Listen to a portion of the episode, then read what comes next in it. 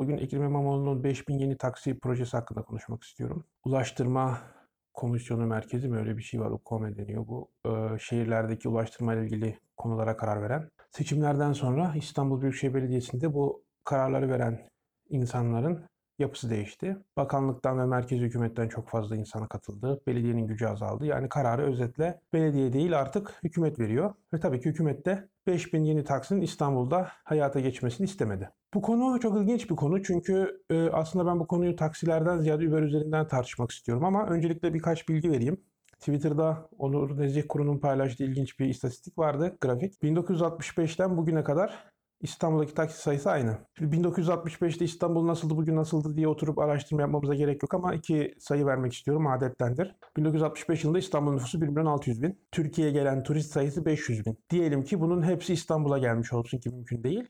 2019'da gelen turist sayısına açıp bakmamıza gerek yok bence. Çok daha yüksektir. Burada ne anlıyoruz? Absürt bir durum. Yani şehrin nüfusu ona katlanmış. Gelen turist sayısı kim bilir kaça katlanmış ama taksici sayısı eşit. Tabi burada ben Uber kısmına geçmek istiyorum hızlı bir şekilde. Çünkü bununla ilgili bir yazı yazmıştım ve bunu e, aşağıya linkleyeceğim. Yazının başlığı aciz devletten piyasaya sığınmak. Türkiye'de taksicilik algısı çok kötü durumda. Eki sözlüğe bakarsanız taksicilere hakaret eden e, entry'lerin en yüksek e, popülaritede olduğunu görürsünüz ki ara ara bunları sildikleri halde. Türkiye'ye Uber geldiğinde insanlar bir heveslenmişti aslında acaba taksicilere mu- muhtaç olmak devri bitecek mi diye ama Uber'i hem CHP hem AK Parti bir araya geldiler Uber'e savaş açtılar. Aslında Uber tamamen yasaklandı ama tamamen yasaklamadan önce çok hukuki bir şekilde çalışıyordu. Nasıl çalışıyordu? Bir marketplace denilen bu hepsi burada gibi işte ne bileyim Amazon gibi bir sistemdi ve yasal, lisanslı, faturasını kesen turizm şirketlerin araçlarıyla çalışıyorlardı. Yani 3 aşağı 5 yukarı sistem şöyle işliyordu. Siz Uber uygulamasına giriyordunuz. Beni şuradan şuraya götürecek bir araç lazım diyordunuz. O da Türkiye'de yasal olarak çalışan turizm firmalarının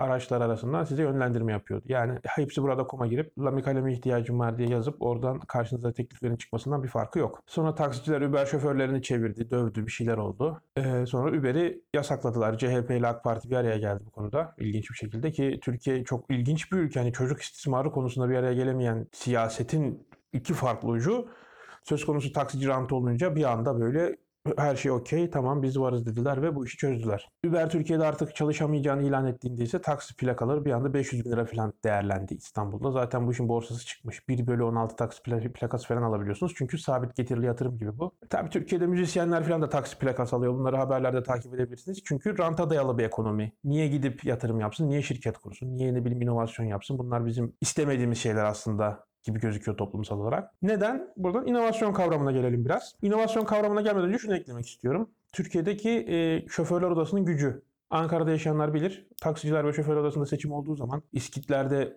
kocaman kocaman yazıhaneler tutulur. İşte bazen kavgalar çıkar, silahlı, külahlı işlere bulaşılır. Her seçim dönemi belediyeler niyeyse taksici doruklarını yenilerler ama ne bileyim bakkal dükkanlarını yenilemezler. Genel olarak taksiciler ve şoförler ciddi bir lobi gücüdür. İnovasyon nedir? Artık çok beylik laflar bunları konuşmayalım diyorum ama Türkiye'de şöyle bir şey var. Çıkıp konuşunca bunlar olacak zannediliyor. İşte disruptive innovation dedikleri işte yıkıcı inovasyon vesaire yok. internete bağlı cihazlar falan fıstık böyle boş boş lafları çok seviyoruz. Biz niye boş boş laflar olduğuna geleceğim. İnovasyon dediğiniz şey bazı sektörleri yıkar. Kimi yıkar? Uber gelir. Taksi plakası sahibi olan rantçıları yıkar. Çünkü rant üzerine dayalı ekonominin durumu şudur. Mesela çok işlek bir yerde dükkanınız vardır ve çok güzel kira kazanıyorsunuzdur ama o semtin değersizleşip başka bir semtin değerleşmesi durumunda sizin rantınız tamamen kesilecektir. Yani bugün şehirdeki belirli bir bölgenin modasının geçip başka bir bölgenin modasının artması da ranta dayalı ekonomiden geçinenler için kötü bir şeydir ve bunlar da bunun aleyhine çalışırlar. Aynı şekilde Uber, Lyft de olabilir bir sürü program var, bir sürü uygulama var. Uber gibi, Lyft gibi uygulamalar mevcut taksi rantını yani bundan 1965 yılında aldı diyelim İstanbul'da bir taksi plakasını bir kişi. Ya da bu plaka 1965'te alındı. 50 yılı geçkin süre. 55 yıl. 55 yıl önce aldığınız bir taksi plakasıyla her ay bugünün parasıyla ne bileyim 20 bin lira falan geliriniz var. E bu ekonomide inovasyon olmaz. Ne yapmanız gerekiyor? Diyeceksiniz ki arkadaş bu kadar yıllık rant olmaz. Bu işi peyderpey bitireceğiz. Nasıl bitireceğiz? Uber gibi servislere yol açacağız. Çünkü inovasyon sadece böyle ne bileyim eksi 270 derecede çalışan bilgisayar şeklinde olmaz. İnovasyon süreçlerde de olur. Uber'in araçları yönlendirme teknolojisi de bir inovasyondur. Ya Biz bunu istemedik. Biz bunu kim istemedi? CHP de istemedi, AK Parti de istemedi. Türkiye'de arkadaşlar 2020 yılında yaşıyoruz diye şöyle bir takvimini gösterecek bir tane siyasi hareket çıkmadı. Çıkmayabilir. Ülkeye uygun olmayabilir. Düzgün bir şekilde konumlandırmak da bizim görevimiz olmalı. Yani nedir? Yasaklarla ne kadar inovasyon yapabilirsiniz? Ki bahsettiğimiz böyle yasalara aykırı bir durum da değil artık. Uber'in son Türkiye'den çıkarılması. Yani zorbalık. Ekrem İmamoğlu ne yapabilir? Hiçbir şey yapamaz. Elinden bütün güç alınmış. Yani çıkıp İstanbul'da hayatı durdururuz diyecekler kadar ve bu tehdidi devleti sindirtecek kadar güçlü bir grup.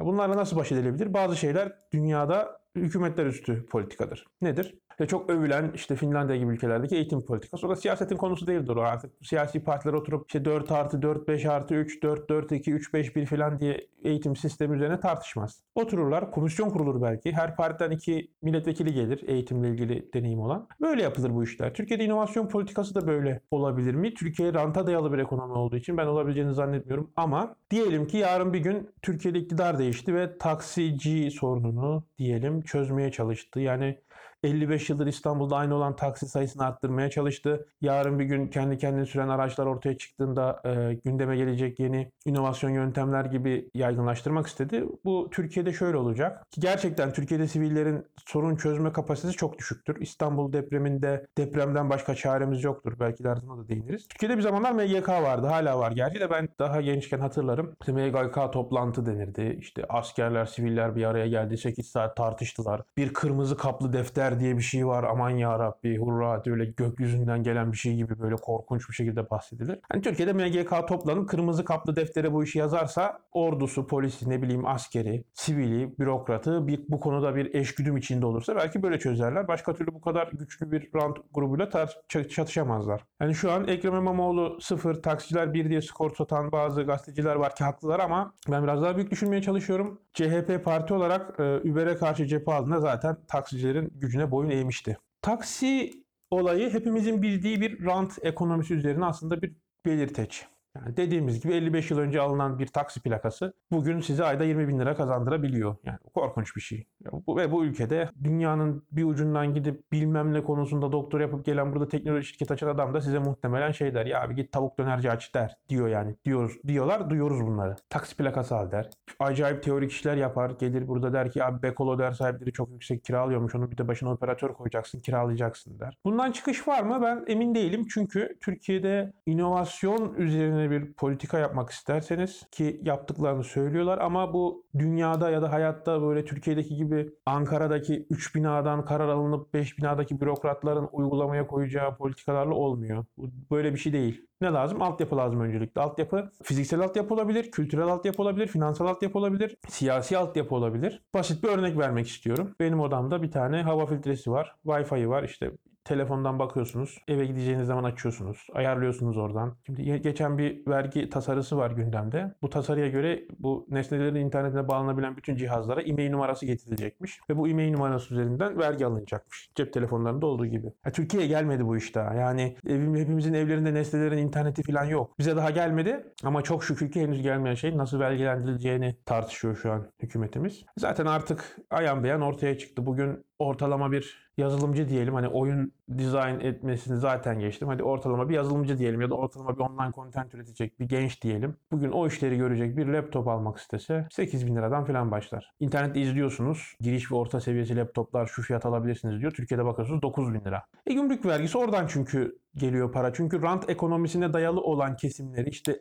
arsa alıp satanlara, ev alıp satanlara, kiradan geçinenlere, taksi plakasından geçinenlere bir avantaj sağlayan çünkü onların iktidarı ve onların devlet sistemi olan bir yandan da. Çünkü hani sonuçta daha önceki videolarımızda tartışmıştık. Siyasi iktidar sonuçta kendi tabanının çıkarlarına daha önceler ve bunda eleştirilecek bir şey yoktur. Bu çıkarların üzerine kurulu bir sistem. Peki siz zamanında Uber'e karşı çıktınız. Taksi çıkarmaya çalışıyorsunuz. Çünkü taksilerin sahibi belediye olacak. Uber'in bir sahibi yok. Açıkça şunu da eklemek istiyorum. Çok önemli bir nokta. Bugün zannetmiyorum İstanbul'da taksi plakası sahibi olup da tüm gün direksiyon sağlayacak adam olsun. Çünkü verir kiraya 20 bin liraya trafik çilesi falan çekmez. Taksi şoförlerine Uber şoförü olmaları halinde e, sahip olabilecekleri imkanları tanıtabilse çok daha farklı şeyler olabilir. Onların hayatları da çok daha iyi duruma gelebilirdi. Çünkü onlar rant üzerinden geçinmiyorlar. Onlar bilek hakkı. Araba sürüyorlar ki İstanbul gibi trafiği çok ve sokakları çok kötü olan bir şehirde araba sürüyorlar. Tabii onların da e, öncelenmediği bir sistem söz konusu. Yani özetle bütün siyasetiniz vergi sisteminden tutun kültürünüze kadar her şey ranta bağlanmış. Burada inovasyon nasıl çıkar? Eğer siz e, nesnelerin internetiyle ilgili henüz daha memlekete gelmediği halde ya bir gün gelirse diye hemen vergi çökmeye çalışırsanız hem yanlış politikalar yüzünden doların geldiği seviye yüzünden hem gümrük vergileri vesaire yüzünden basit teknolojik aletler bile korkunç fiyatlara denk gelirse burada ben rantın peşinde koşan insanlara laf etmem. Konut alın, araba alın, para kaybetmezsiniz diyenler var Türkiye'de. Haklılar mı? Türkiye'de arabadan pay para kaybeden görmedim. Ya ben dünyada böyle bir şey olamayabilir yani. Zannetmiyorum. Araba alıyorsunuz. iki sene biniyorsunuz. Kar edip satıyorsunuz. Mevduata koymaktan daha iyi. Ev alıyorsunuz zaten ev fiyatları 20 yıldır Türkiye'de konut balonu bekleniyor. Patlayacak patlayacak. Patlamıyor. Patlamaz da. Çünkü bütün sistem bunun üzerine kurulmuş. Şimdi siz bu insanlara gideceksiniz. İşte yok sermaye yatırımı yapın. Yok e, bankaya yatırım yapın. Türkiye'de birikim eksikliği var. İşte GDP'nin belli bir oranında birikim olacak. Melek yatırımcılık bilmem ne. Ya melek yatırımcılık 2019'da mı 2018'de mi ne? Türkiye'deki melek yatırımcılar birkaç milyon liralık yatırım yapmış. O adamlar konferanslarda konuşma ücreti olarak daha fazla para alıyorlardır muhtemelen. Türkiye'de iki daire parası yatırım yapmışlar. Melek yatırımcılık falan da bu yani hani böyle Twitter'da iş dergilerinde falan çok dikkat çekiyorlar ama bu, kadar. Sanayi 4.0'mış bilmem neymiş bunlar bizim için boş laflar. Ya bu, bu lafları biraz unutmamız lazım. Biraz bu lafları edenleri biraz böyle ne bileyim hobi olarak dinlememiz lazım. Niye? Çünkü Ekrem İmamoğlu, İstanbul Belediyesi, yarın bir gün iktidar olsun hükümet partisi bunlarla baş edemeyecek. Türkiye'de rant ekonomisini kırmak çok zor. 10 bin, 15 bin tane özel kişideki plakanın yanına 5 bin tane belediyenin sahip olduğu plaka eklemektense çağ değişiyor artık bazı şeylerin yıkılması ve bazı şeylerin hayata geçmesi ve bugün hayata geçen şeylerin 3 yıl sonra yeniden yıkılmayı göze alması şeklinde bir irade ortaya konmazsa Türkiye'de inovasyon falan konuşmamız çok anlamlı olmayacak. Yani Ekrem İmamoğlu'nun getirmek istediği 5000 taksiyi buradan okumamız lazım. Yani Uber'in zaten gücü yetmedi. Ekrem İmamoğlu'nun gücü yetmedi. İşte arsa rantı, inşaat rantı. Buradan gençlere şunu söylemek lazım. Türkiye'de olay ranttır ve bizim özellikle belli bir yaştan sonra bu sistemi değiştirmek gibi bir fantaziden ne kadar uzak durmamız gerekir o ayrı bir şey ama hiçbir siyasi parti bugün Türkiye'de inovasyonu öncelemez. Rantı önceler. Onun için biz de bunu verili kabul etmeliyiz gibime geliyor. Yani muhalefetinden iktidarına herkesin inovasyona karşı cephe aldığı bir ortamda bizim bu inovasyon türkülerini biraz daha azaltıp hakikate odaklanmamız ve bu rant çarkını bir nevi kabul etmemiz gerektiğini düşünüyorum. Karamsar ama böyle. Kendinize iyi bakın. Görüşmek üzere.